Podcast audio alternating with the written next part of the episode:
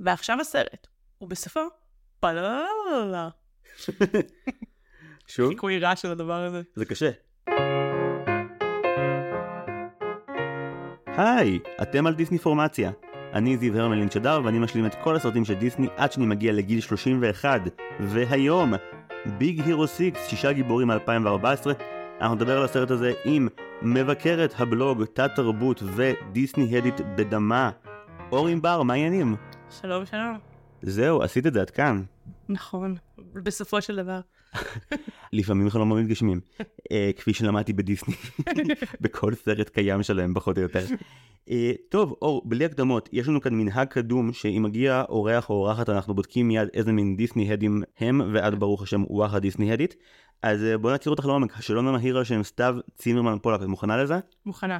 שאלה ראשונה, top three שלך של סרטי דיסני? אז ה top אה, שלוש שלי של סרטי דיסני הם אה, מולן, היפה והחיה ושודדי הקאריביים, שהוא לא מצויר ולכן הרמאות, אבל הוא הסרט. אני לא חושב שזה. כזה רמאות להגיד שודדי הקאריביים. אנשים פה אמרו Avengers בעבר, בסדר. Avengers סרט נפלא ונהדר. אוקיי, שאלה שנייה, שיר של דיסני שיותר אנשים צריכים לזמזם במקלחת? הפסקול של טרזן. וואי, אין לי מושג אפילו איך track אחד משם נשמע, עוד לא הגעתי אליו. הוא מושלם, הוא כולו הולחן על ידי פיל קולינס, ולאחרונה האינטרנט גילה אותו מחדש, טיק טוק וכל מיני דברים כאלה, כי זה פסקול מדהים. אה, ואז אה, בכוכבית, כי לא מספיק רימיתי, אני אגיד ש-You got a friend in me, אבל בגרסה של Gipsy Kings מ Toy Story 3, אה, גרסה הספרדית? הגרסה הספרדית, כן, היא מעולה. היא מדהימה. אני חייב להגיד שזה זה דווקא מגניב שהעלית את טרזן, כי כאילו יש לי כזה מדי פעם פספוסים בפודקאסט של סרטים שאני כאילו רואה קודם סרטים שהם סוג של המשך רוחני שלהם, הכי וכאילו ידוב. ראיתי הכי הדוב ולא ראיתי טרזן עדיין, והיום אנחנו, והיום אנחנו נדבר על שישה גיבורים ואני עוד לא ראיתי את אה, לפגוש את הרובינזונים, אז זה כאילו חטא גם קטן שלי, נפלא ונהדר. אבל לא נורא, נסתדר עם מה שיש. כן. שאלה שלישית, סרט של דיסני שהוא ממש underrated בעינייך. אז עניתי טרזן בפסקול, אז אני לא אענה פה, גם יחסית מעריכים אותו, אז התיקו שלי הוא בין אה, הקיסר נפל על הראש וניוזיס. ומה? מה השני? Newsies, אני חושבת שזה נקרא נערי העיתון בעברית. הוא כאילו גם live action? הוא live action, הוא musical, הוא מ-91, משחק פה קריסטיאן בייל. הוא לבוש כאילו ממש כזה עם כובע וכל כן, הסיפור. כן. ראיתי וידאו מזה. הוא כיף, הוא כיף מאוד, וחבל שלא מכירים אותו יותר. אוקיי, תשובה מפורטת ומנומקת. דמות אחת שהיה מוטב אילו היו מוחקים מההיסטוריה של דיסני לעולמי עולמים. אז אה, אל תכעס עליי, אבל זה טמטואה ממואנה, ואני ממש לא... טמטואה, אני מבקש. אתה רואה, אני אפילו את השם שלו לא יודעת להגיד. זה מחווה לדייוויד בוי, ואני לא מתה על דייוויד בוי. מה את עושה? את קוברת עצמך. מה את עושה? אני מאוד אוהבת את Heroes, ו- ואת Ziggy Stardust, ואת שאר השירים של בוי פחות. סליחה. סתיו צימרמן פולק שהשאלון הזה הוא על שמה הולכת לרצוח אותי אחרי הפרק הזה, המכות שאני אקבל. אוקיי, אנחנו מתקדמים. שאלה חמישית. ברוח ראש הממשלה החליפי יאיר לפיד, מה הכי דיסני בעינייך? אלן מנקן והאוורד אשמן הם לחלוטין אה, התשובה המתבקשת, והתשובה העוד יותר מתבקשת זה לעשות כסף מכל דבר. אלן מנקן והאוורד אשמן, למי שלא יודע, זה המלחינים של כל ה musicals הגדולים, נכון? בגדול, כן, הם התחילו עם אה, בת הים הקטנה, אלן מנקן הוא עד היום, אה, האוורד אשמן נפטר מאיידס בתחילת שנות ה-90, אבל הרוח שלו אה, איתנו עד היום, הם גם שני החבר'ה שכתבו את Little Shop of Horrors, שבגללם הביאו אותם לדיסני. שזה כזה אדיר שמ musical למבוגרים הביאו אותם עם כל ה... זה חתיכת musical אפל לבוא ממנו לדיסני. כן. ודיסני אמרו, אה מצוין, אנחנו מאוד אוהבים אפל, איך אתם בלהרוג הורים? אתם אה. טובים בלהרוג הורים? אתה כבר ראית סרטים של דיסני ב eighties? כי זו הייתה בדיוק התקופה כאילו המאוד מאוד אומללה שלהם. ראיתי את השועל והכלבלב ואת The Great Mouse Detective, ונראה לי שזהו מה eighties בינתיים. אה, אז ה Black Cauldron, הקדרה השחורה עוד לפניך, כן, שזה של אה, דון בלוס, אני שוב שוחטת שמות כי זה אני. דום לוס שעזב, כך את הסרט, את כל הסרטים על דינוזאור, את המסע לארץ החלומות. בדיוק, אז הוא היה בדיסני, והפלא ופלא, דיסני לא כל כך הסתדרו עם החזון של הבחור.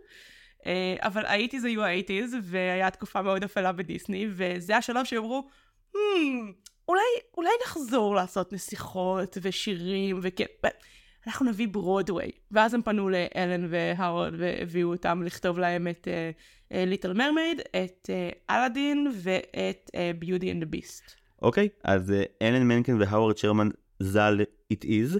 אנחנו מגיעים לשאלה האחרונה, טראומת ילדות שדיסני חקקו בך לנצח. אז אה, מאוד ניסיתי להיזכר בטראומת ילדות של דיסני, וזה כאילו לא קרה.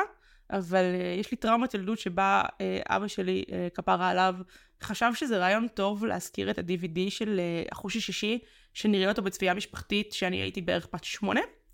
לא ישנתי משהו כמו שבוע, עשרה ימים אחר כך באופן רציף, ואחרי כמה ימים ללא שינה ובפחד היסטרי אמרתי, טוב, מה מרגיע אותי ומה כיף? בוא נראה סרטים של דיסני כדי להירדם איתם. רק שאורה מאוד סתומה שמה את שלגיה ושבעת הגמדים. לא... ואתה לא יודע כמה היער הזה מפחיד. טוב שעכשיו את פינוקיו, כאילו באמת. כן, אז, אז היער של שלגיה הוא מפחיד פי חמש במוח שלי, כי הוא מקושר לצפייה של אחרי I see dead people. לא, זה זוועה. אה, אור, צלחת בכישרון רב את כל השאלון המהיר, ברכות. תודה, תודה. לרוע מזלך זו לא המשימה האחרונה שקיבלת. נתבקשת לשבת בביתך ולהכין תקציר של ביג הירו 6/שישה גיבורים לכל מי שלא זוכר או לא צפה. האם עשית זאת? אכן כן. אוקיי, אז ללא הקדמות נוספות, אורן בר, ספרי לנו מה קורה בשישה גיבורים. אז הירו הוא גאון ויתום בן 14 שגר עם דודה שלו ואחיו הגדול והמושלם תדשי בסן פרנסוקיו שבארצות הברית. אחרי שסוף סוף תדשי משכנע אותו שהוא צריך ללמוד בקולג' יש שריפה ענקית. תדשי מת וכמסע נקמה באיש עם המסכה שנראה שהצית את השריפה בזדון, הירו חובר לחברים החנונים של אחיו גוגו, הני למון, ווסאבי, פרד וביימקס הרובוט להקמת קבוצת גיבורים. אוקיי, לפני שבועות היו פה פרקים על כאילו פינוקיו או על החרב באבן ואותם הרבה יותר קל לתקצר. את הסרט הזה, אני כאילו, את, את לא יודעת את זה, אבל בעצם הגעת לפרק המשבר הגדול שלי עם דיסני. כי כאילו, ראי, זה, זה פרק האמצע, עשינו חצי מהסרטים, אני כאילו לא הייתי מוכן למהירות ולעלילה של הסרט הזה, כי ראיתי עכשיו שלושה סרטים מאוד ישנים רצוף, כזה מהסיקטיז והפורטיז, כאילו, אחרי הרצף של פינוקיו, Saludos Amigos, חרב באבן, הסרט הזה הוא כמו פשוט סטירת לחי מצלצלת, זה כאילו מיליון עלילה, מיליון דמויות, ואתה כאילו, אתה מוצא את עצמך פשוט רץ אחריו בקטע של, או, אוקיי, רגע, מה, המוח שלי לא מותאם לסרטים בקצב של ימינו אחרי החודש האחרון. אם אני זוכרת נכון, שיווקו את זה כזה בין שיתוף הפעולה הראשון של דיסני אנימציה עם מרוויל וזה כזה, אנחנו ב-2014, אנחנו אחרי Avengers הראשון. איזה עוד cash grab אתם מנסים לעשות מה franchise הזה? זה גם לא היה cash grabbing בהסכמה, מרוויל לא רצו. אני קראתי, זה, זה סיפור די מצחיק, הרי דיסני ומרוויל התאחדו ב-2009. ואיך שזה קרה, אז מישהו בדיסני בא ואמר, חבר'ה, אה, קנינו מרוויל, אה, קדימה סרט מצויר איתם עכשיו. וכל מרוויל כזה, האמת שאנחנו מסתדרים ממש סבבה לפני שהגעתם.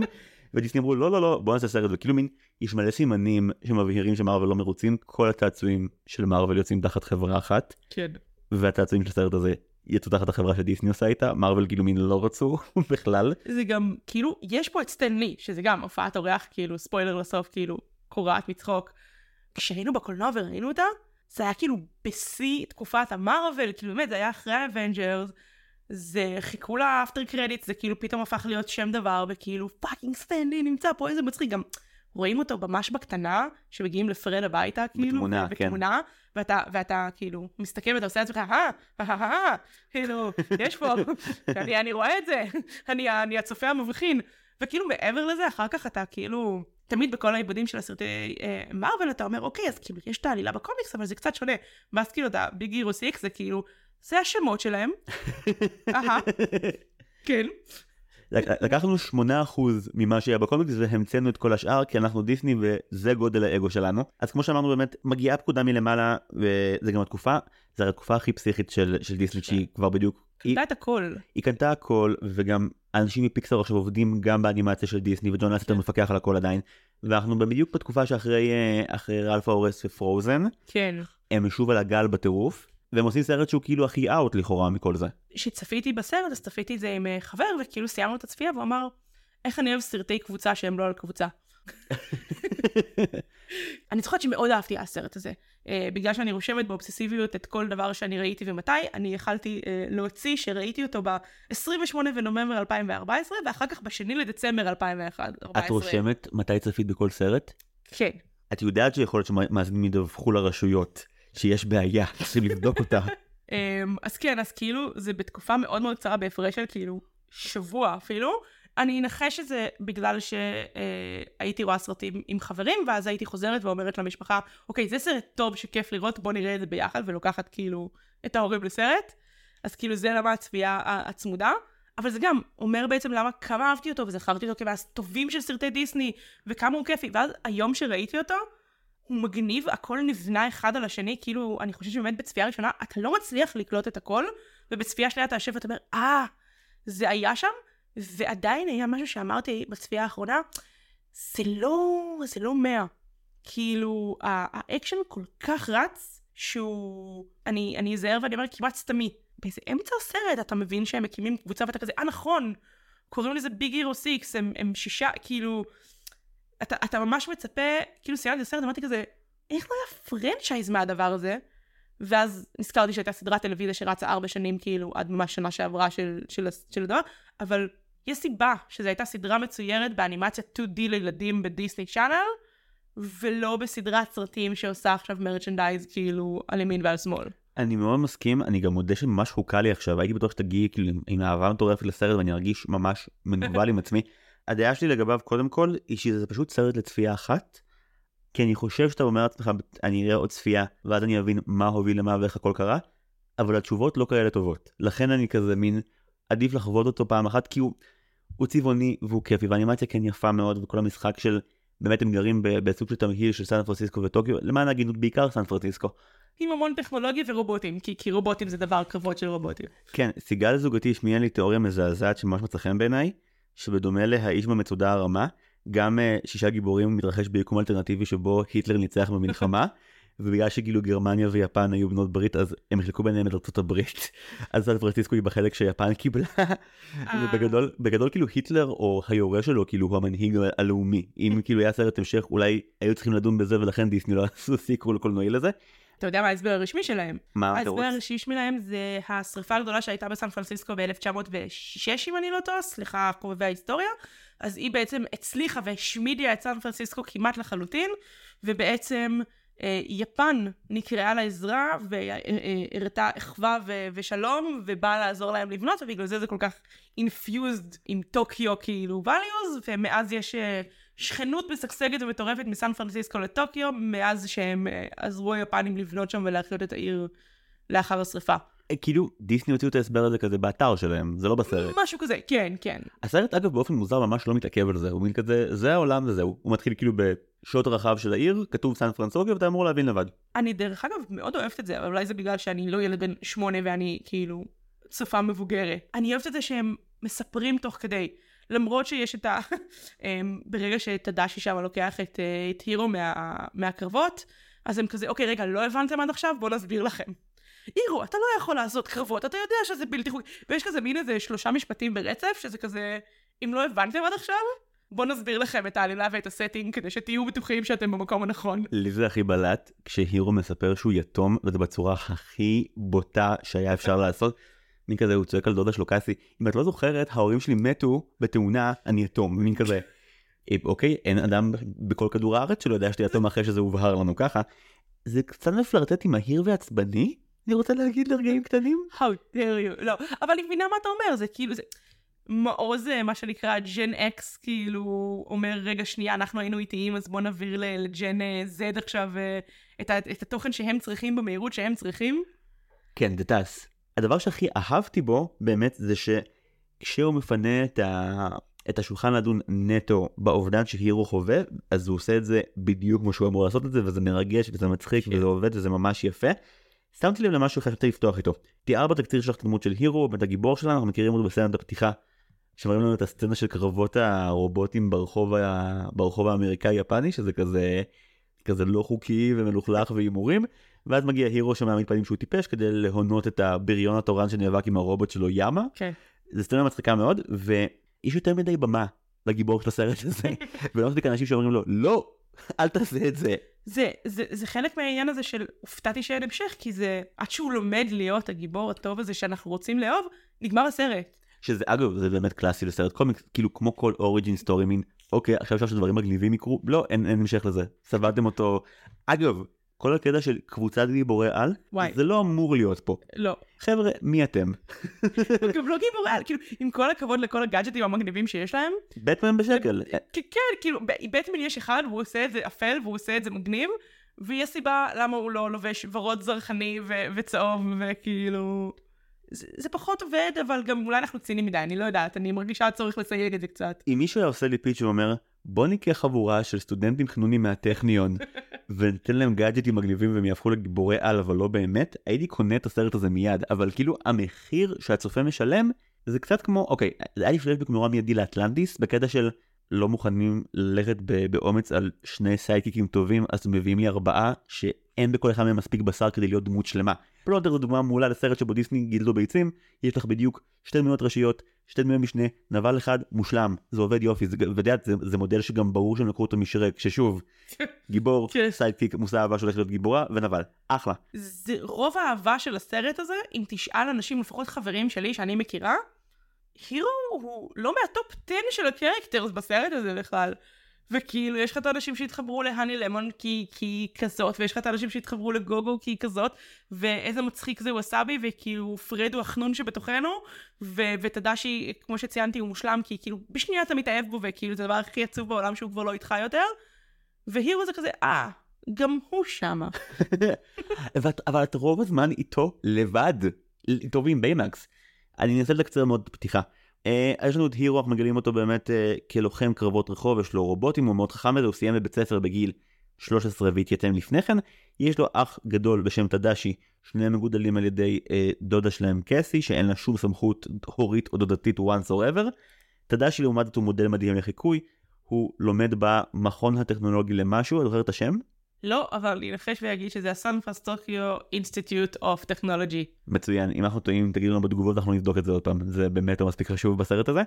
אבל החלק החשוב לפתיחה הוא שבאמת אה, תדשי מכיר להירו את ראש המוסד, את פרופסור קלהן. הירו כן שמע עליו ומעריך אותו מאוד. אה, קלהן עושה טכניקה מגניבה של מבוגרים ועושה פסיכולוגיה הפוכה על הירו בקטע של אה, קרבות הרובוטים שלך בטח הרבה יותר חשובים במקום המאפן הזה, מה שגורם להירו להגיד oh my god oh אני חייב להגיע לפה. והסרט רץ משם למעשה כשהירו מבין שבשביל אומר לעצמו שנייה אני ארים איזה, איזה רובוט מדהים שיגרום להם בטקס אה, קבלה מיד להתלהב ממני ולתת לי את הפרס. תדשי אומר לו אה, נסה לחשוב על זה מזווית אחרת משפט שהולך להיות רב משמעותי בהמשך ויציל את חייו של הירו ושל חבריו. הירו בונה מיקרובוטס טכנולוגיה מגניבה שבה למעשה הוא לובש משדר על הראש וככה הוא יכול לשלוט במיליון רובוטים שנראים כמו USB קטן בעצם. מה שגורם לקלהן מיד לרצות אותו למקום שלו. אממה מיד אחרי הזכייה שלו ברגע מרגש בין תדשי לבין הירו המקום עולה באש, תדשי מתעקש להיות הגיבור וללכת להציל את המנטור שלו, את פרופסור קלהן שנמצא בפנים, ונכון לרגע זה בסרט, קלהן ותדשי למעשה נספים והירו נשאר בלי אח ובלי הורים, אצל דודה שמבינה אותו מעט מאוד. זה בגדול חצי השעה הראשונה של ביג הירו 6, זה לקח לי שעה לתאר עכשיו מה קורה שם. אני יחידי.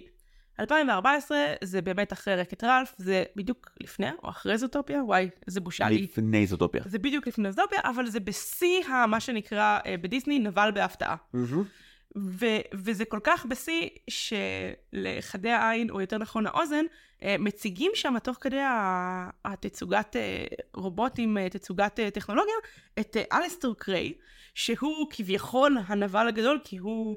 הקפיטליסט, הבעל החברה שרק רוצה לקנות את הטכנולוגיה ולהשתמש בזה, שמדובב כמובן על ידי אלן טיודיק, שזה הנבל התורן של דיסני, כאילו... בשבילי תמיד יהיה King Candy לפני הכל. בדיחה ידועה זה של טיודיק, כאילו, דובב כל כך הרבה דברים שאין לו מושג, כאילו, אין, כאילו שואלים אותו על דברים שהוא עשה, וכאילו... הוא לא זוכר כלום. הוא לא זוכר כלום, הוא לא יודע, כאילו, איזה סרט זה ומה זה, וכאילו... המעריץ דיסני הרדיקלי מזהה את קולו של אלן טודיק על, על הדמות של קריי, הוא אומר, אה, אתה איש הרע. כן, זה כזה, אה, ברור, אתה כאילו... זה גם הקול של האיש הרע, וזה גם כאילו אתה הבחור שרוצה לקנות את הרובוטים ולהשתמש בהם לא למתנות המדע, כמו שכל בן אדם טוב רוצה לעשות, אלא אתה רוצה להשתמש בהם לרמת התיעוש וה... ולעשות מהם כסף. ואז לאורך כל הסרט אתה כאילו, גם הירו מאוד בטוח שקריי הוא, הוא הנבל והוא הרע. שאגב, זה מצחיק אותי, כי אני זוכר עכשיו, את, את זוכרת מי האדם הראשון בסרט שמעלה את התיאוריה שקריי הוא האיש הרע? לא. זה פרד. עכשיו באיזה יקום, כל מי שיש לו חברים ולכולנו פה יש חבורה, לכל אחד יש פה חבורה, כשהאדם שמציע את העצות הכי פחות טובות בחבורה, מציע את הפתרון למי הרוצח, בואו פשוט לא נקשיב לו, כי ככל הנראה זה אף פעם לא רעיון טוב, זה אותו אדם שאמר לך, כן בוא נעשה מסיבה עד 12, אמא שלך בטוח לא תגיע לפני, נכון? זה אותו בן אדם בדיוק. זה אף פעם לא רעיון טוב להקשיב לו, והם מקשיבים לפרד והם טועים. כן, גם פרד הוא כמובן היחיד שהוא כאילו, המסקוט של הבית ספר הוא לא חלק מה... לא שזה דרך אגב מוריד ממנו שהוא לא החנון שיודע פיזיקה גרעינית, כן? אבל הם הגאונים המוצלחים שיודעים שלכל אחד יש את הטריק שלו וכל אחד אחראי על, על הדבר שלו, ופרד כאילו, אני אוהב להתלבש בתחפושות דינוזאורים וכאילו מעריץ גיבורי על. הוא כאילו המעריץ המארוול? אה, הוא לא מעריץ מארוול, הוא מעריץ של תרבות יפנית, הוא מעריץ של קייג'ו, של גודזילה. כן, כל- נכון. כאילו, אמנם הוא, הוא קורא קומיקסים, אבל כל החדר שלו זה תמיד מפלצות ענק יפניות, זה גם מה שהוא רוצה להיות, הוא רוצה להיות דינוזאור ענק שיורק אש. כן. קוראים לזה הפרד זילה. זה דבר מסתבר. כן. כאילו, האינטרנט מלא בבדיחות על פרד זילה, זה כאילו הגיבור שאף פעם לא, לא קיבל ספין-אוף משלו וחבל. וזה בדיוק מה שאני אמרתי, כאילו, על כל הגיבורים האלה, שכל אחד ואחד מהם מוצא את הקבוצת מעריצים שכל כך כאילו, that's my guy. אני יכול להבין את זה. זה גם מאוד עוזר שכל אחד מהם הוא מאתניות אחרת. כן. יש לנו את גוגו שהיא, אסיאתית. נכון מאוד, יש לנו את האני למון שהיא ברזילאית מסתבר, כאילו, אני חושבת שפשוט הלכו על לטיני, סימן שאלה, סימן שאלה, בוא לא נגדיר את זה יותר מדי. אה, ראיתי מעריצים שפירקו את זה והם כזה, לא, לא, היא ברזילאית, היא רואה הפורטוגזית שלה, ואז כאילו, מצאו דרך. אני בטוחה שהמעריצים מצאו גם כאילו איפה ההורים שלה גרים באיזה רחוב ובאיזה בית ספר היא למדה ומה היה הצבע האהוב עליה בתור ילדה בכיתה ג'. זה, כן, את אומרת, אולי, אולי לא להקשיב למעריצים יותר מדי חזק. יש לנו ארבעה גיבורי משנה שעתידים להיות גיבורי על, תכף נגיע לביימקס נדבר עליו מלא. אבל uh, אנחנו פוגשים uh, ב- בהתחלה עם תדשי שהוא מכיר את החברים של, uh, שלו ל- להירו, אנחנו כאילו מין קולטים, כל אחד מהם עתיד להיות לו גם כאילו נשק מיוחד משלו וכוח על כביכול שנובע מהגאדג'ט וכאילו ממש קשה לזכור מי עושה מה. אז לטובת המאזינים בואו נעשה את זה מסודר.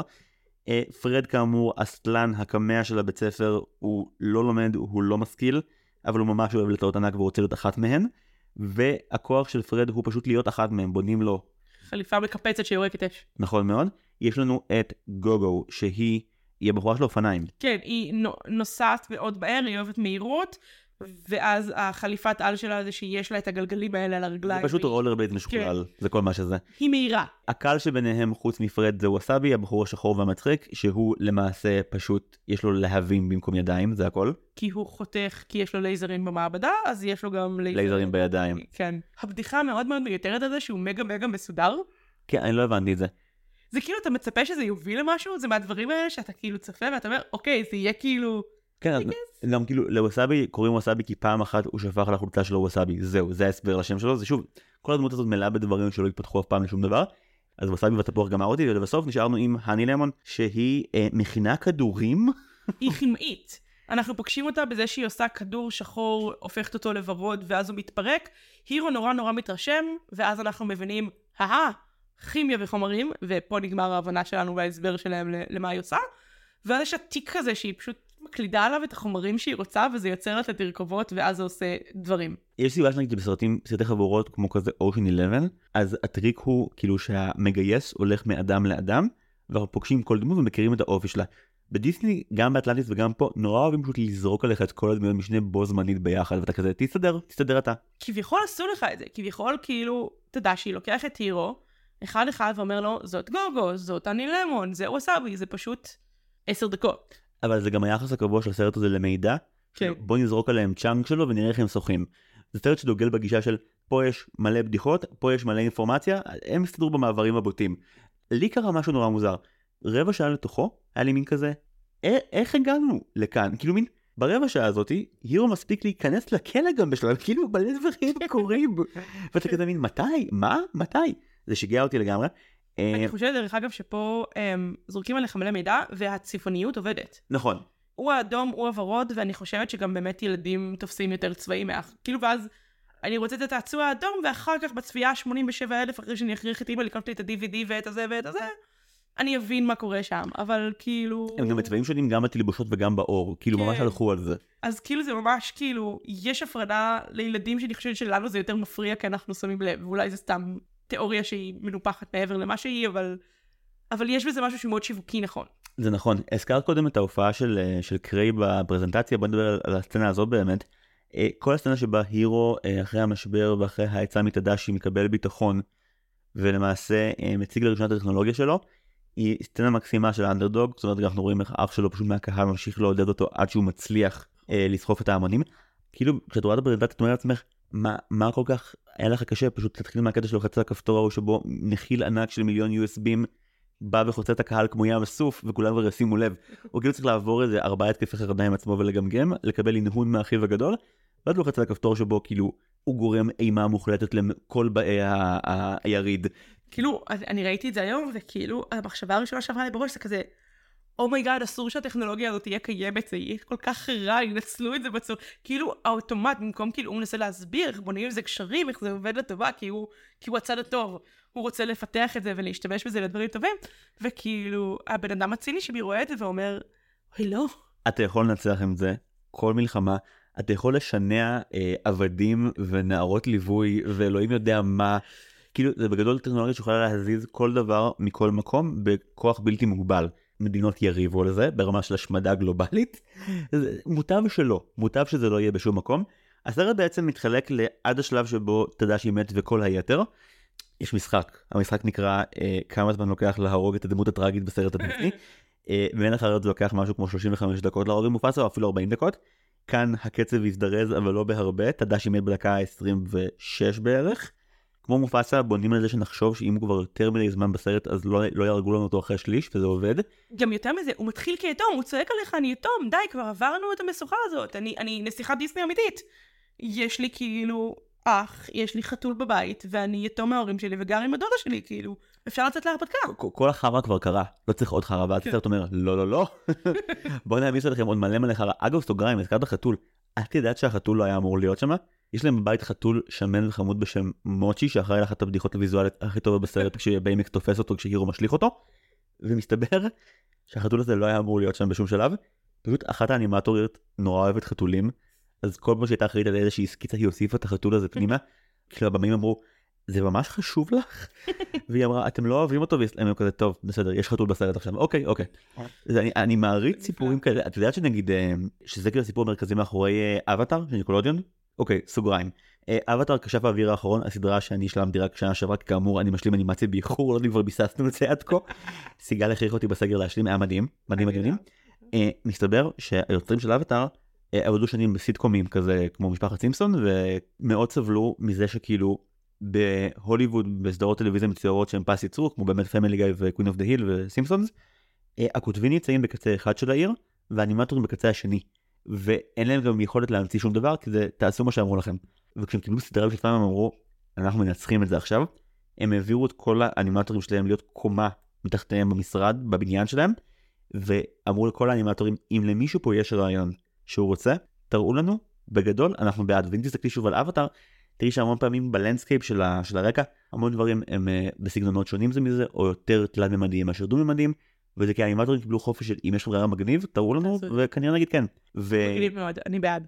כן, לגמרי. אז זהו, אז, אז, אז, אז כאן אומנם זה לא אבטאר, אבל uh, מסתבר שבדיסני כן אפשר לקבל חופש לדברים מאוד נקודתיים כמו חתול. שזה גם צעד מתקדם, מתחשב ביחס שוולט הביא לאנימטורים בעשורים הקודמים, אז כנראה שזה עדיף. אה, הערות או מחשבות שלך על המוות של תדשי, חוץ מזה שהוא מיותר לגמרי בדיעבד? ההערה שלי שכתובה פה בקפסלוק זה מה שקראי. אני התחלתי לראות את הסרט ואמרתי כזה, טוב רגע, אני בעצם זוכרת את כל העלילה, זה בעצם צפיית רענון, אין פה, אין פה משהו שבאמת הפתיע אותי, ובאמת, לאורך כל הסרט לא היה דברים שקרו שהייתי כזה, אה, נכון, שכחתי שהדבר הזה קורה. אבל שטדשי מת, זה עצוב, זה fucking עצוב, הוא, הוא, הוא נפלא, הוא נהדר, הוא חמוד, כאילו עשו אותו מושלם מדי כדי שהוא ישרוד את הסרט. זה מה שעבר לי אבל בראש באמצע החלק הראשון, כאילו מין, או לפני שהוא באמת היה לי מין כזה, כאילו שאלתי בקול רם, טדשי לא יישאר איתנו עד הסוף, נכון? כי כאילו, הוא מודל הרבה יותר מדי חיובי עבור הגיבור בשביל להישאר איתנו ולהוביל את הסיפור קדימה. זה בדיוק הדברים האלה שאתה אומר, אבל הם יודעים מה הם עושים. וזה כאילו לוחץ על הכפתורים, וזה עצוב, ולהירו עצוב. ויש שוטים עם מטריות, ויש לך גשם, ויש כאילו... והוא אחר כך moody teenager כאילו על מאה. אני חושב שהסרט עושה את זה מאוד טוב, ושפשוט אני ראיתי 38 סרטי דיסני בשנה האחרונה ונשבר לי הזין, זה מה שנראה לי שקרה. כאילו, שוב, שוב אנחנו עושים את זה, וכאילו, אתה גם חתיך וגם חכם, וגם אח טוב לאחיך היתום והקטן, כל הכבוד לך. האמת שיש משהו מעניין ביחסים של הירו ותדשי, שזו מערכת יחסים, זה גם ככה טיפה אצל אנה ואלזה, אבל כאילו, מרגישים שמבנה הגיבור הפיקסרי מתחיל לחלחל לדיסני בעשור הזה. כי הירו הוא גיבור שהרבה יותר מתאים לכאורה לפיקסאר מאשר לדיסני, הוא הרבה יותר פגום, הוא קצת המוסר שלו מחורבן, קצת כמו כאילו רלף ההורס, אבל גם גם טיפה, גם טיפה אלזה, אלזה גם עושה המון דברים מחורבנים, כי, כי היא לא יכולה כן. להתאבס על עצמה, וכי היא טינג'רית, קצת כמו, כמו הירו. אתה ראית את uh, אמיצה? כן, ראיתי את ברייב. אז יש שם, אני אקרא לזה החוצפה של מרידה. כן. זה כזה, אני teenager ואתם לא תגידו לי מה לעשות, והסמכות ההורית שלו כרגע היא, היא, היא טדשי. אז אני גם מכבד אותך וגם אני כאילו את המשפחה שלי, אבל זה גם כאילו, אני עכשיו teenager, ואני אעשה מה שאני רוצה לעשות. עד שכאילו דופקים לו מקל בראש ואומרים לו כאילו, על מה אתה מדבר שטויות, כאילו. מהרגע שאחיו מת, הירו ממש כל הזמן מהלך בדרך שהוא יכול בשנייה אה, לסטות ממנו ולהפוך לנבל פר אקסלנס. הוא שנייה מלהפוך לכזה בסרט. ברגע השבירה שלו, שגם כאילו, זה מאוד משחק על זה של טדשי הוא הלב של הירו, והוא גם הלב של ביי, ביימקס, ו- וכאילו יש לו את השבב של טדשי, ויש לו את השבב של המכות של הירו, ואז הוא מגיע שם במערכה השלישית ואומר, לא, תן מכות, אני מוציא לך את השבב של טדשי, והוא, ביימקס הופך להיות מכונת הרג, זה כאילו בדיוק הדבר הזה של אם לא תיזהר לזה מה שתהפוך. זה ממש נכון, זה, זה גם מגניב נורא, כי אתה מסתכל ואתה אומר לעצמך, לא היה לכם ביצים לפני עשור לעשות את זה. שהגיבור ממש יהיה פסע מזה, ואני גם אגיד, מה שאני מאוד אוהב בדמות של הנבל בסרט הזה, זה שבעצם הנבל הוא ה darkest timeline של הגיבור. הירו היה הופך להיות האיש במסכה, אם לא היו עוצרים בעדו. זה הזכיר לי בצורה נורא מוזרה את המסע שלי לפולין. אני אסביר, לא הייתי בפולין עם, ה, עם התיכון, עם הכיתה שלי בתיכון, הייתי באוניברסיטה. באוניברסיטה יוצא לפולין, אז יש מהלך נורא חזק, שבו אומרים לך, מה בעצם מבדיל בינך לבין הנאצים? ואתה אומר, אני יהודי, אומרים, כן, חוץ מזה. ואתה אומר, אני לא רצחתי מלא יהודים אחרים, והם כזה, אוקיי, אבל... ו- וככל שזה ממשיך יום אחרי יום אתה כזה מין אתה מגיע לסיפורים של החיילים הפשוטים שכזה לא היו קלגסים זדוניים ורעים וזה רק כזה איימו עליהם ממש חזק מלמעלה שיעשו להם דברים ממש רעים והמשפחות שלהם לא ישתפו פעולה.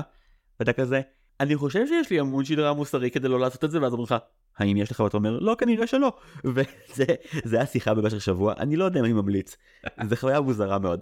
בוא, בוא לא נפתח פה את כל דעתנו על המסע לפולין. נכון, לא, לא, לא, לא, אבל זה רלוונטי כי, כי גם במקרה של הירו אתה כל הזמן אומר לעצמך מתי לאחרונה ראיתי גיבור בסרט דיסני שכל כך קרוב להיות הנבל? הוא קצת תמונת מראה של רקט רלף כי רקט רלף הוא הנבל שהוא גיבור. הוא הנבל שהוא גיבור, ו- וליבו פשוט רך מההתחלה, ואתה פשוט רואה איך שנים של התעללות חסמו את זה, וזה צריך להיחשף מחדש. הירו הוא באמת גיבור שיש בו המון מן הנבלות, כי החיים היו חרא אליו, כמו להרבה נבלי דיסני. אף אחד לא כמעט בעדו, מי שכן בעדו נספה בשריפה. לא דיברנו באמת על, על ההופעה הראשונה של ביימקס. בעצם ביימקס הוא רובוט מרפא, שטדשי, זה הפרויקט של טדשי, כל אחד עושה לייזרים מגניבים וכימיה, וכאילו טדשי פשוט בונה בלון ענקי שהולך לרפא ולעזור לאנשים אחרים ושומע אאוץ' ומתעורר לחיים וסורק אותך ואומר, אה, ah, יש לך ככה וככה וככה, בוא אני אטפל בך כי יש לו שבב עם בעצם כל האופציות הרפואיות שיכולות להיות בעולם והוא מטפל בך ואתה אומר לו, it's okay, I'm satisfied with my care, with my, נכון? כן. satisfied with my care, והוא אומר תודה רבה, שלום שלום, ונכבה וחוזר להיות קופסה קטנה עד ש... קוראים לו שוב החוצה. אין ספק שזו ההברקה הכי גדולה של הסרט הזה, הוא דמות מדהימה מכל האספקטים, העיצוב שלו שהוא באמת בלון גדול וחמוד, שאפשר להלביש אותו במידת הצורך כדי להפוך אותו לגיבור על או לנבל על. Mm. הרגשתי שענק הברזל היווה איזושהי השראה ברורה כי אי אפשר אחרת. בדוק. כולל זה שכאילו צחק לו עם ההגדרות והוא נהיה מפלצת רצחנית שיכולה להרוג את כולם. לאו דווקא ענק הברזל אלא כל דבר של כזה זהירות רק אתה, אתה שנייה אחת מלהיות הנבל. כן. אבל בדוק כאילו יש איזשהו אנימטור שם שישב ואמר אני ראיתי את ענק הברזל בגיל 15 וזה כל כך השפיע עליי ולכן זרוע ימין שלו מצוירת ככה באותה זווית כאילו כי זה שם אפילו אם אתה לא יודע את העובדות האלה זה בטוח שם איפשהו. זה לגמרי קודם כל הפתיע אותי מאוד שגיליתי את זהות המדבב שזה באמת גיליתי את זה היום. ש... קוריאה. שפיט מטרטי רוק הוא באמקס כלומר למי שלא ראה את הסדרה סקוט אלסיט הוא שחקן מתוק ומקסים הוא לרוב משחק דמויות של כזה. אה, נפנחים ולוזרים ואפסים וכאילו פתאום שהוא עושה דמות הזאתי שהיא כאילו הדמות שבדיעבד הגלגול של האח המת של הירו הוא לגמרי הדבר שאתה יודע שהשאיר מאחור שזה הירושה הכי טובה בעולם וגם הוא המצפן המוסרי של הסרט. הוא הדמות היחידה שתכליתה המקורית היא אך ורק לעשות טוב היא אך ורק לרפא בגלל שהוא רובוט למעשה הוא נוצר שיש בו רק צדדים חיוביים. אז בעצם הוא רואה במהלך הסרט איך הירו בן האדם שהוא מלא ברגשות של כאב ונקמה לאט לאט פשוט משחית את הרובוט הזה שתוכנת באופן טהור לגמרי. הוא גם אחראי פתאום על הומור פיזי. מעולה. שמצחיק. התג... כאילו, צחקתי בקול רם גם היום, כאילו, מה הקשר לסרט הזה? ההומור הפיזי הזה עכשיו באמצע. אני חושב שזה מתקשר לדבר אחד, שאני לא יודע אם זה עונה לשאלה שלך, אבל ביימקס הוא באופן מובהק הלב הפועם של הסרט הזה, וזה כמובן הכי, הכי meta בעולם שהדמות עם הלב הכי רחב תהיה רובוט. אסימוב היה חוגג או, או מתלונן ממש הרבה, אחד מהשניים, בצפייה בדמות של ביימקס. ביימקס מוצג לנו בהתחלה על ידי טדשי להירו בקטע של בוא תראה מה אני עושה באמת בא, בא, באוניברסיטה. הירו מתפעל אבל גם תוהה על קנקנו של הדבר הזה. ובאמת אחרי ש... שטדשי נספה בתאונה, אה, הירו מדוכא, הוא לא הולך לאוניברסיטה כמו שהוא רצה ללכת. הכובע של אחיו המת עדיין מונח על המיטה, כמין אנדרטה קטנה, זה ממש... הכי טרגי בעולם. ממש מבאס. וגאונות של כאילו משוט אחד של, של, אתה מבין שהחדר שלהם משותף, אתה רואה את הכובע על המיטה וכאילו, יצא לי, אוי לא, עשוי, הסרט הזה עשוי טוב. למרות כל מה שאנחנו אומרים, לא, לא, למרות אח- שזה, כאילו, העשייה בו היא, היא, היא נהדרת. אני מרגיש שהיינו צריכים להוציא מלא טינופת בהתחלה, כדי להגיד עכשיו שזה סרט די טוב, כאילו, אה, שוב, בוא נאמר את זה ככה, הדברים הטובים בביג הירו 6 הם מאוד טובים. עד שזה מגיע לסצנות שבהם במקס נמצא אבל הירו מוביל אותם. כל הקטעים שהוא נותן לבמקס כל מיני כלים כדי להפוך אותו לגיבור, והתעופה שלהם זה מין כאילו, יש המון מזה. אז בעצם השליש השני של הסרט מוקדש לכך שהירו חסר מוטיבציה לחלוטין, עד שמשהו מאוד דרמטי קורה. ביימקס מתעורר, כי הירו נופל בחדר ו- ונחבט, כאילו, והוא שומע את האאוץ' הזה, והוא מתעורר כאילו כדי למשמע האאוץ' של עכשיו אני צריך לטפל במישהו שפצוע, והוא סורק אותו, ויש מין, באמת, אחת הבדיחות הכי מצחיקות. כן נכון. בסרט הוא סורק אותו ואומר, אתה נראה בסדר, אין פגיעה, אבל בעצם הדיאגנוזיס זה puberty. puberty. הירו כמובן בתור teenager כאילו moody אומר, עזוב אותי באמא שלך, לך ממני, אתה סתם כאילו מפריע לי פה. ואז הוא מבין, אה, ah, רגע, טדשי מת, אתה באבל, בוא אני אביא מספר החוקים שלי את איך מתמודדים עם האבל. צריך ליצור קשר עם חברים, וצריך לחיבוק עם המשפחה, ויש את החיבוק המאוד מאוד מביך הזה שלהם. צריך אה, חום ואהבה, צריך, אה, צריך לנחם אותך, צריך כאילו אוכל, צריך... מי מאיתנו לא היה עצבני בתור teenager, ואז באו לעשות את הדברים הנכונים והטובים, וכל מה שעובר לך בראש זה, די, אתם רק מפריעים לי לחיות, אני רוצה להיות בחדר ושאף אחד לא ידבר איתי. ממש. בשום שלב בסרט לא נאמרת במפורש המילה depression, ומין כאילו, זה המחלה האמיתית שהוא סובל ממנה. כן. הוא מדוכא. אבל, אבל הוא מדוכא מס, מסיבות נכונות. כן כן, פשוט תדש- פשוט- תדשתי לא מורשה להשיג לביימקס ציפרלקס, אז כאילו... אז זו הסיבה שהירו יוצא להרפתקאות, כי אין אין כדורים. אבל, אבל זה גם בדיוק כל הסיבה שהוא מתעורר, והוא אומר, תעזור אותי, ואז יש את הרובוט הזה, והוא אומר לו, לך מפה. ואז הוא אומר, אם אני אמצא את זה, זה, זה יעשה אותך שמח יותר, אני, אני ככה י- י- יכול לסיים את הטיפול ויגרום לך להרגיש יותר טוב. והירו כאילו בהיסח יד אומר כאילו, כן, כן, לך, לך תמצא, הכל בסדר. נכון. ואז מתחיל הכל. ואז כן, ואז מה שקורה זה שהירו שם לב שבאמת אה, ביימקס אכן הלך, והוא קולט אותו מעבר לחלון כבר חוץ. עכשיו, זה די מצחיק שכאילו אין, אין שום דיווח חדשותי בסן פרנסוקיו על כך שפשוט רובוט לבן ענק אם העיר הזאת כל כך טכנולוגית, אתה מרגיש שכאילו זה, כאילו, יש לך קרבות רובוטים, זה כנראה לא דבר שהוא כל כך מחוץ לשגרה אולי? אבל זה לא חוקי וזה רובוטים קטנים והירו כאילו בונה רובוטים, לא יודע. כל סטן פרנסוקיו עושה תאונת דרכים כי הדבר הזה הולך להם באמצע הכביש והם לא מוכנים לזה. אה, הירו רודף אחריו תוך כדי שהוא משקר לדודה שלו קאסי. שקר לא ציינו אבל היא מדוברת על ידי מיה רודולף אהובתי. שלמת. אה, שהיא נהדרת גם פה. שכן, שאמרת שכאילו אין לה, אין לה סמכות הורית ואין לה כלום, ואני כאילו, כן, אבל היא מאיה רודולף, ולכן יש לה קיום, וזה קיום נהדר. אבל אה, לא, היא באמת קיבלה דמות שהיא אין הרבה מה לעשות איתה והיא מוציאה ממנה את המרב. פיקסר עשו בדיוק את הדבר ב-onward. אימא שלהם שמה, שמדובבת על ידי ג'וליה דרייפוס, היי. היא קצת עושה יותר מכעס, אבל היא מאוד, הנה שני אחים שעושים משהו בהרפתקה, ואני שם בבית להגיד להם, היי, אבל תזכרו שאוהבים אתכם בבית. כן, אני חייב להגיד שפיקסר עשו תיקון גדול עם מאיה רודולף בלוקה, שממש מקבלת הרבה יותר עם מה לעבוד שם וזה גם סרט מעולה. מקסים. ואנחנו נגיע אליו בעונת הפיקסר שלנו שתקרה בטח בעוד יותר משנה. עצרנו בכך שלמעשה הירו מוצא את ביימקס ברחוב, הם uh, מגיעים למעשה, טריק שחוזר כמה פעמים בסרט והוא עייף אותי בשלב מסוים, כי יש כמה פעמים שכזה הירו וביימקס מגיעים למקום, מגלים משהו, יש קרב, הם מנצחים או מפסידים, וזה כאילו מין כזה מעגלים חוזרים, כי בגלל שזה כמעט תמיד אותם הדמויות באותם הקרבות סביב האיש במסכה, אתה מין כזה נו, תגיעו כבר לאנשהו. אז כן, אז uh, הירו הולך אחרי ביימקס, ולמעשה נגלה שיש מפעל ענק שממשיך לייצר מיקרובוט למרות שכבר הירו לא עובד על כאלה תקופה והוא הניח שכולם הושמדו.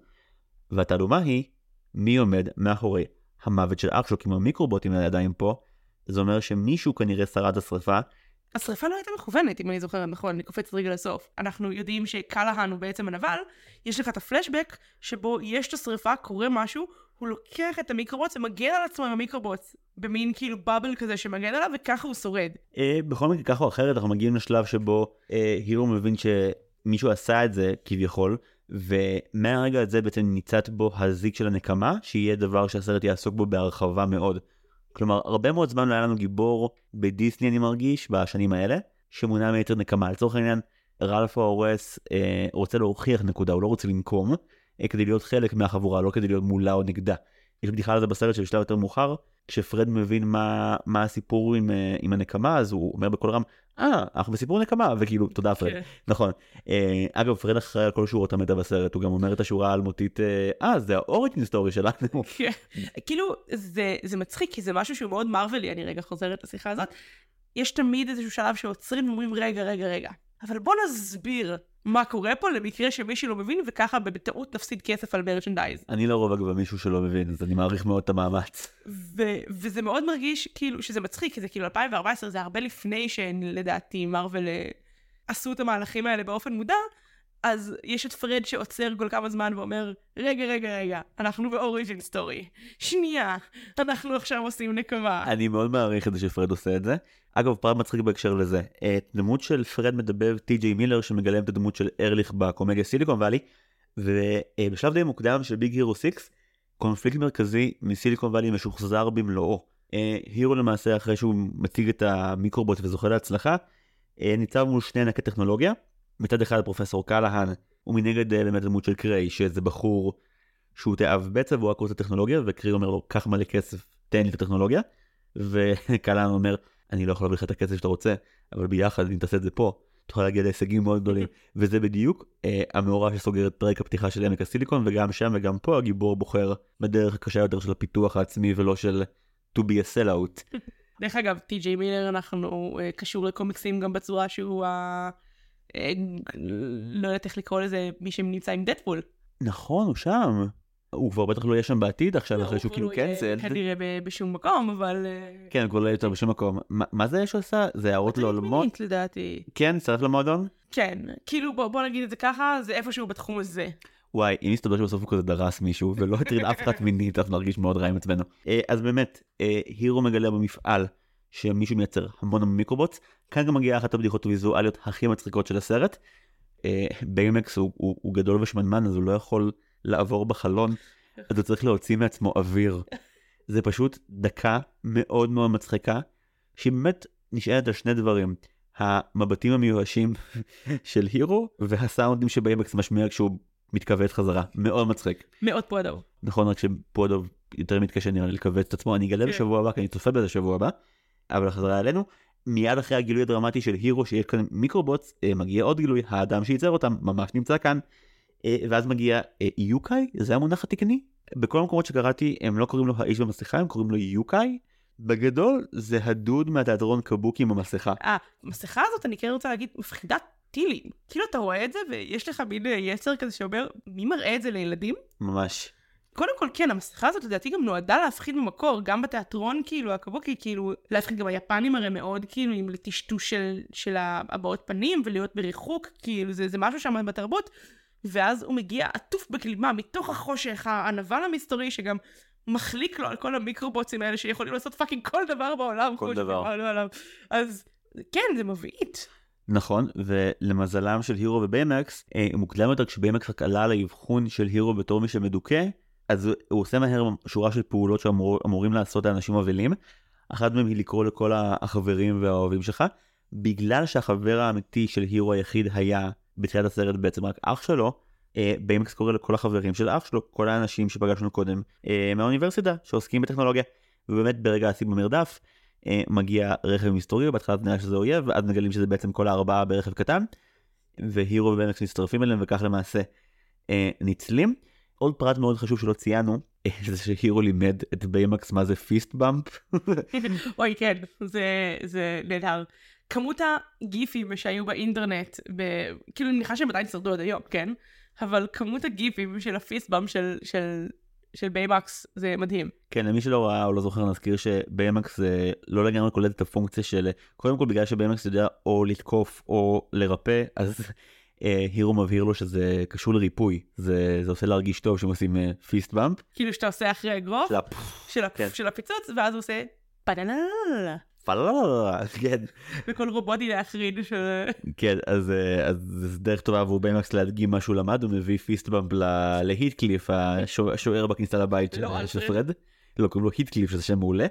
רפרנס, אה, אלפ... אלפרד של בטמן, כאילו. כן, גם בהמשך. מגלים, שאבא, שאבא של אה, פרד הוא משהו בין, אה, בין סופרמן לבטמן.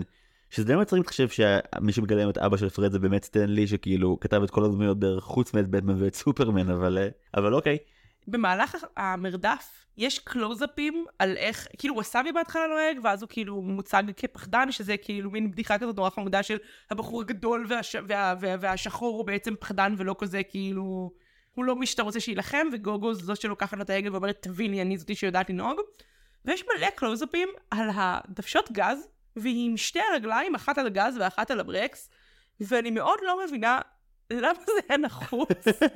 נורא מצחיק הוא עוצר ברמזור אדום ויוצאת עליו נכון. אין אור אדום במרדף דיסני פה משחקים על חבל מאוד דק זה מרדף מכוניות הוא צריך להיות פרופר מצד שני זה סרט ילדים ואסור לנטוע בהם רעיונות שבעוד כמה שנים יובילו למותם אני אסייג ואומר שעל פי מה שאני יודעת, בנהגי פורמולה וכאלה, הם כן עושים רגל על כל דבר בשביל תגובות מהירות. נו אז זה הנה הם רוצים במכונית הפיצית הקטנה של ווסאבי, כאילו ש...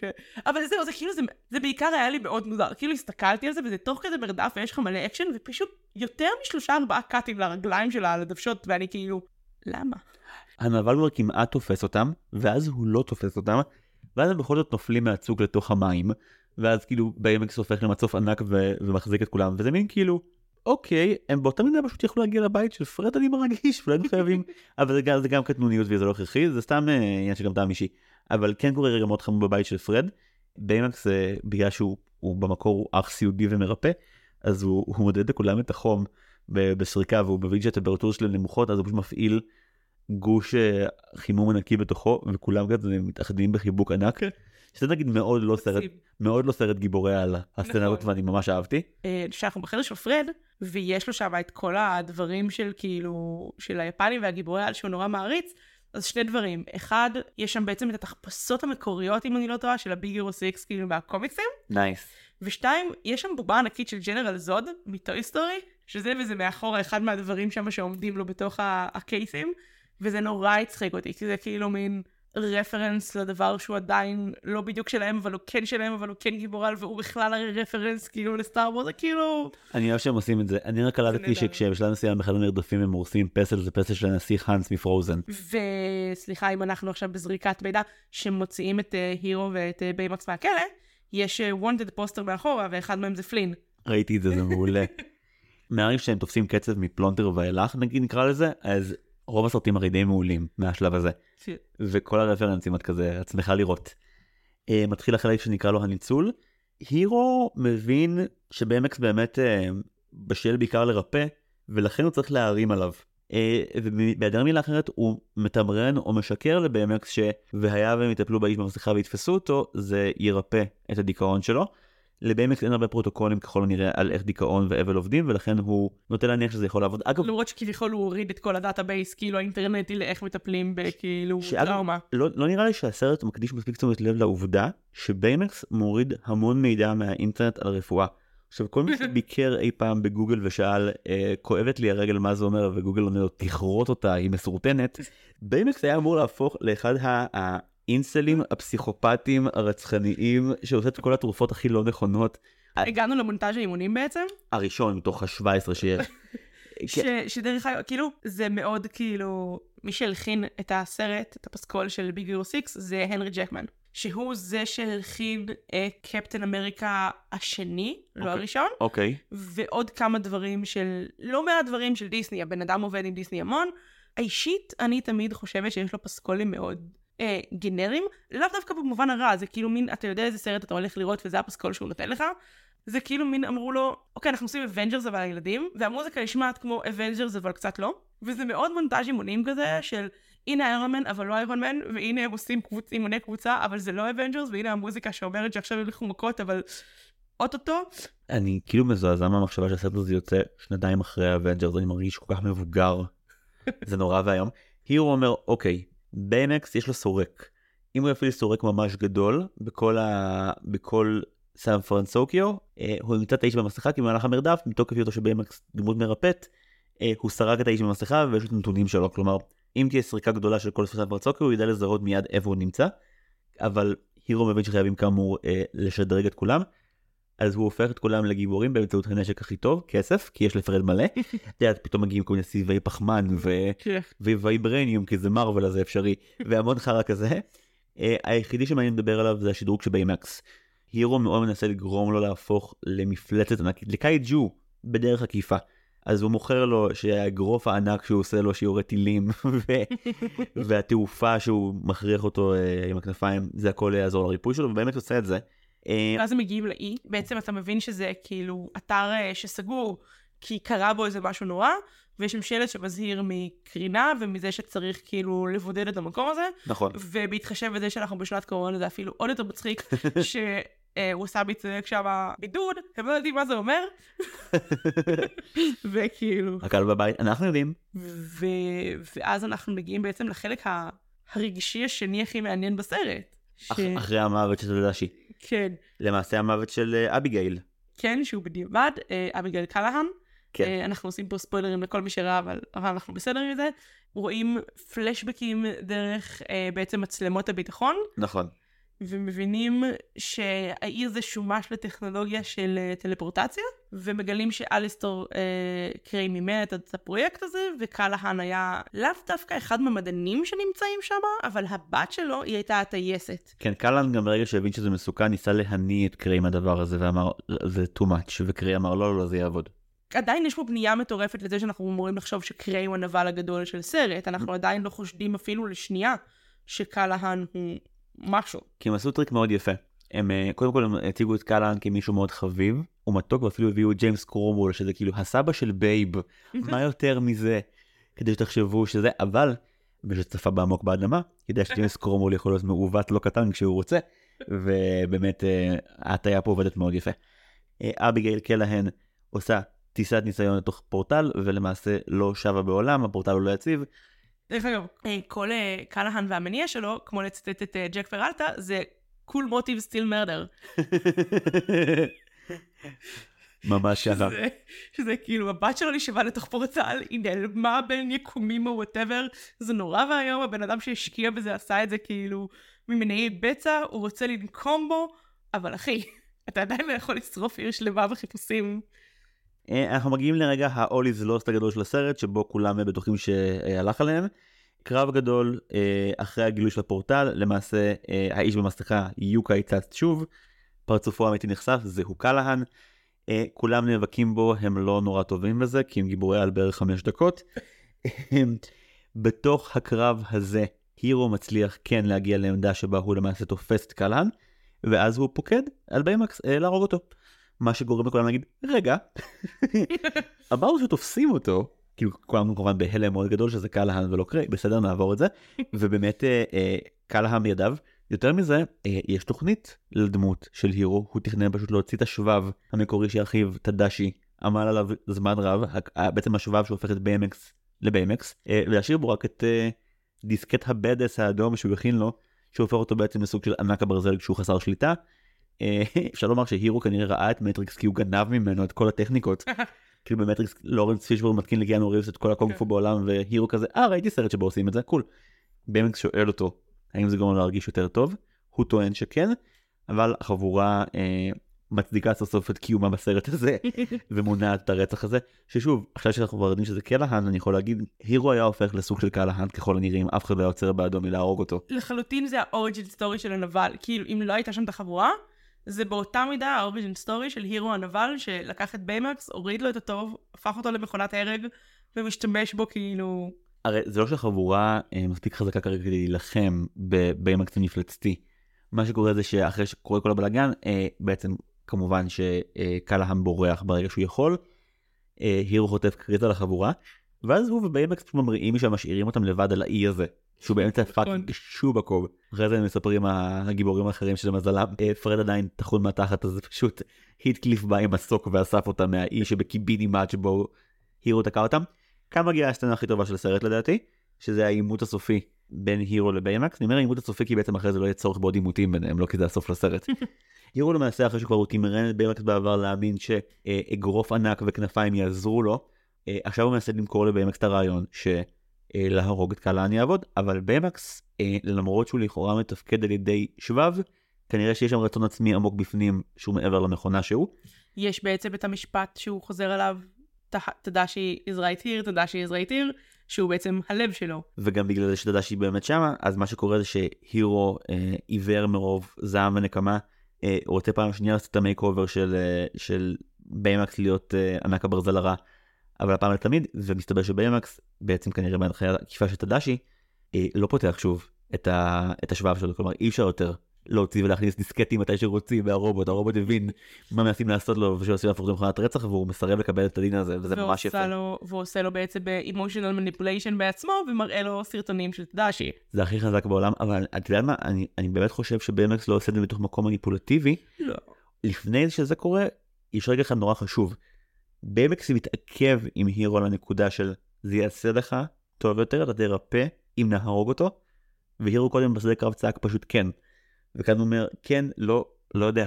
BMX מראה לו באמת את הסרטונים שבהם תדע שהיא למעשה מתעד את כל הניסיונות שלו לעשות את BMX וליצור אותו עם כל הפספוסים והטעויות המצחיקות וה... והייאוש והדכדוך עד שבניסוי ה... אני חושב ב-84 זה מצליח זה א' מבהיר להירו לחלוטין מה BMX אמור לעשות ומה הוא אמור לא לעשות.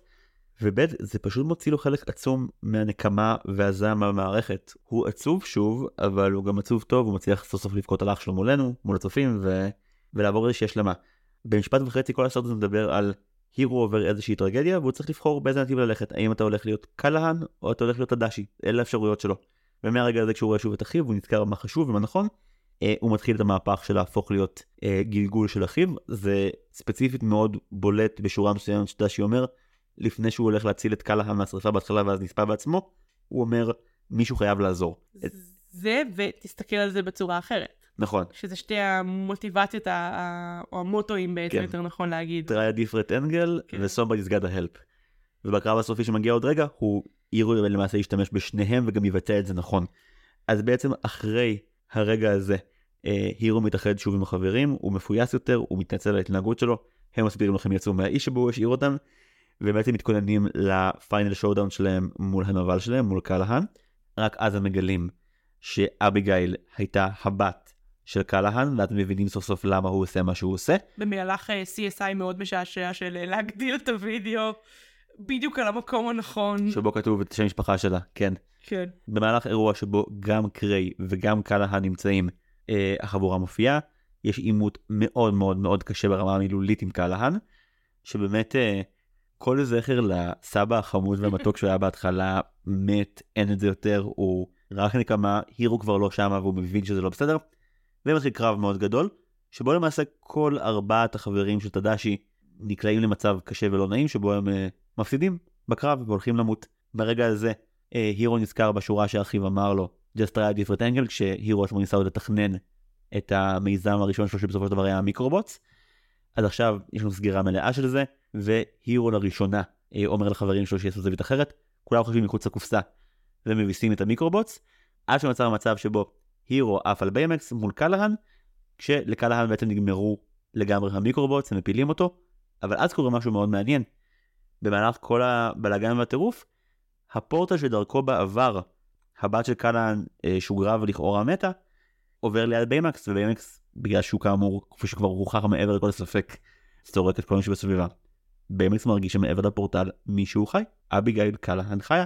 הוא והירו יוצאים למשימת התאבדות, אני אסייג ואגיד שבמהלך המשימה הזאת אה, ביימקס מת וזה באמת ניסיון ממש מרושע להוציא מאיתנו עוד דמעות לא הכרחיות בשום צורה. כאילו סתם התעמרתם בנו רגשית והצלחתם לחלוטין במאה אחוז אולי בגלל זה הם עשו את זה כאילו שזה יעבוד להם. הירו לוקח את התא של אביגיל קלהן מחוסרת ההכרה מצליח לחלץ אותו ונאלץ להיפרד מביימקס בעצם הוא, הוא רוכב על היד של ביימקס אה, החוצה מהפורטל. כאן מגיע החלק שחברתי תמר התערבה באופן אקטיבי בהקרנה ואמרה כשאביגל יוצאת החוצה, אני לא זוכר אם סיגל או עידן, מישהו מבין היושבים בחדר אמר, טוב לפחות, אה, לפחות שיראה את הבת שלו, על קלהן, ואז תמר צעקה, בשום פנים ואופן, הרוצח של תדאשי לא מקבל פרס מאף אחד, הוא התנהג כמו פסיכופת, הוא הרג את הדמות הכי טובה בסרט, ועכשיו שיאכל זין בבקשה, הוא לא הולך לכלא והוא לא רואה את הבת שלו אף פעם. עונש. זה גם משהו שהוא מאוד לא דיסני להכניס את הנבל לכלא, התעללות. כאילו מצד אחד יש את הקטרנס הזה של לא משנה שאני בכלא, לפחות הבת שלי חיה, שזה כזה מין אה, מטרה אצילית אפילו לנבל, ומצד שני, היא נכנסת לאמבולנס, אפילו לא אומר לה שלום, אני לא חושבת שהיא מודעת בכלל שאבא שלה כאילו זה שעשה את המאמצים. היא לא יודעת איזה שנה אנחנו, עזבו את זה שכאילו כל ענייניה, היא נשארה קפואה בגיל 22 ועברו מאז אה, כמה שנים טובות. אנחנו גם לא יודעים אם אי פעם יספרו לה מה אבא שלה עשה. כן. מעניין כזה יחשפו אותה לזה, כי זה שוט מאוד כזה של ה... היא באמבולנס והוא נכנס למכונית משטרה, כאילו שהוא מאוד לא מה שאני מצפה למצוא בסרט דיסני. זה עונש יותר גרוע לנבל לדעתי מאשר, אתה יודע, תחשבי לסרטי עבר, שתמיד כזה הנבלים מתים. מתים בצורות איומות, כן. בדיוק נופלים מצוק, או נבלעים על ידי דרקון, או כל מה שזה לא יהיה, או, או כמעט מתים על ידי תנין במקרה של פיטר פן, וכאן כאילו, את יודעת, זה פשוט, אה, לא, ילך לכלא, זה מרגיש מאוד נכון, כי חלק גדול מהמהלך של הסרט היה, בוא נגרום להירו להבין שצריך ללכוד את הנבל, ולתת לרשויות לטפל בו, ולא לרצוח אותו, וכך להרוות את הנקמה שלנו.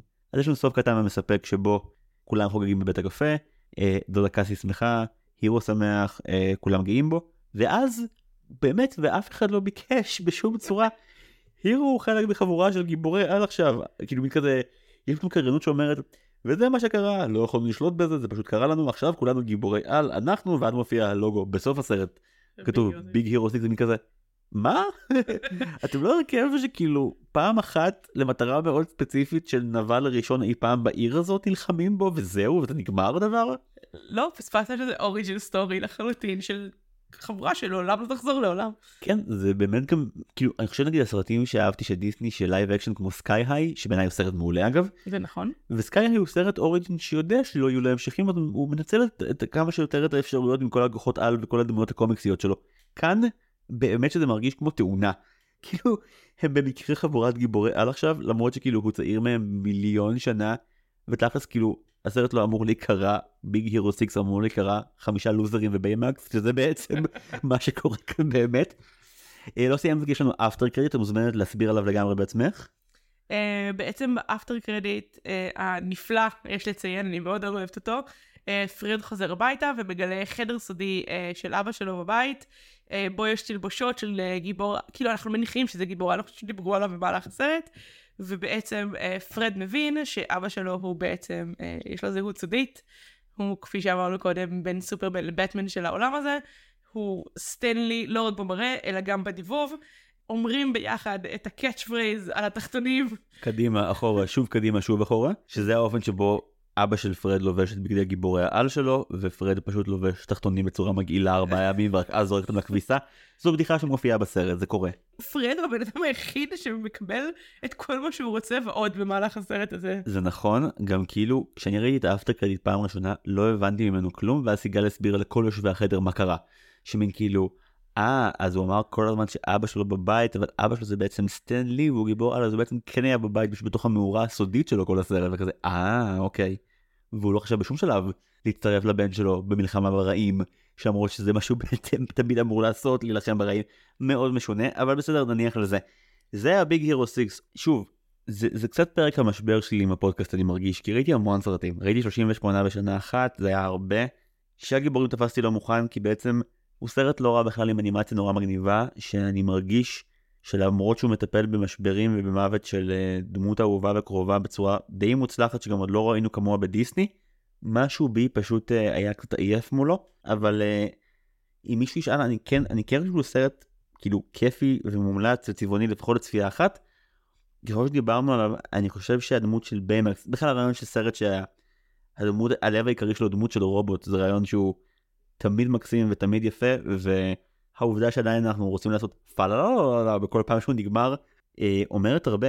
אז אני שמח שזכינו לצפות וגם שמחתי לראות יתום כלשהו של דיסני מתמודד עם האובדן שלו live מולנו ולא בין הסצנות כמו שקרה במלך האריות שכאילו הוא מדחיק הוא מדחיק הוא מדחיק או טוב הוא מוכן להיות מנהיג שוב פעם אין ספק שהבכי שהירו חוטף שם על הגוף שבעמק שמחבק אותו הוא הרבה יותר קרוב למה זה אומר עבור ילד להבין את הרעיון של אובדן מאשר כנראה כמעט כל סרט דיסני אחר שראיתי אז הוא מקבל כפיים לפחות על זה. זהו. אור, ממש תודה רבה שבאת. כיף להיות פה. כיף גדול גם לי. אם אתם רוצים לשמוע עוד מאור ואתם רוצים, בבקשה תפתחו את הבלוג המצוין תת תרבות, יש שם הרבה ביקורות של אור וחבריה על תרבות הפופ, ביניהם סרטים, סדרות, musicals, you name it. לאלה שעוקבים אחרי הפרקים שלנו, הפרק הבא שלנו הולך להיות הרפתקאותיו של פו הדוב, ואנחנו נצפה בו פעמיים בעברית ובאנגלית, אז צפו בשפה המועדפת עליכם. אני רוצה להגיד תודה רבה לנועם טבטניקוב מלחין ההסכת, לטל סלומון ורדי המעצב שלנו, למחלקת התחקיר בה נמצאות סיגל צחורי ואוריה אורן יוסף. תודה רבה לאחראית השיווק המולדת שלנו, סתיו צימרמן פולק. מוזמנים מאוד ומוזמנות מאוד לדרג אותנו באפל פודקאסט. אור כבר עשתה את זה, נכון אור? לחלוטין. כל הכבוד לאור. ולתת לנו ביקורת. אה, או להמליץ לחברים וחברות וכמובן לעשות לייק לעמוד הפייסבוק שלנו, דיסני מקף פורמציה. זהו, שוב, תודה ענקית לאור ענבר, אני זיוור ואני שדר, ועד הפעם הבאה. היו שלום.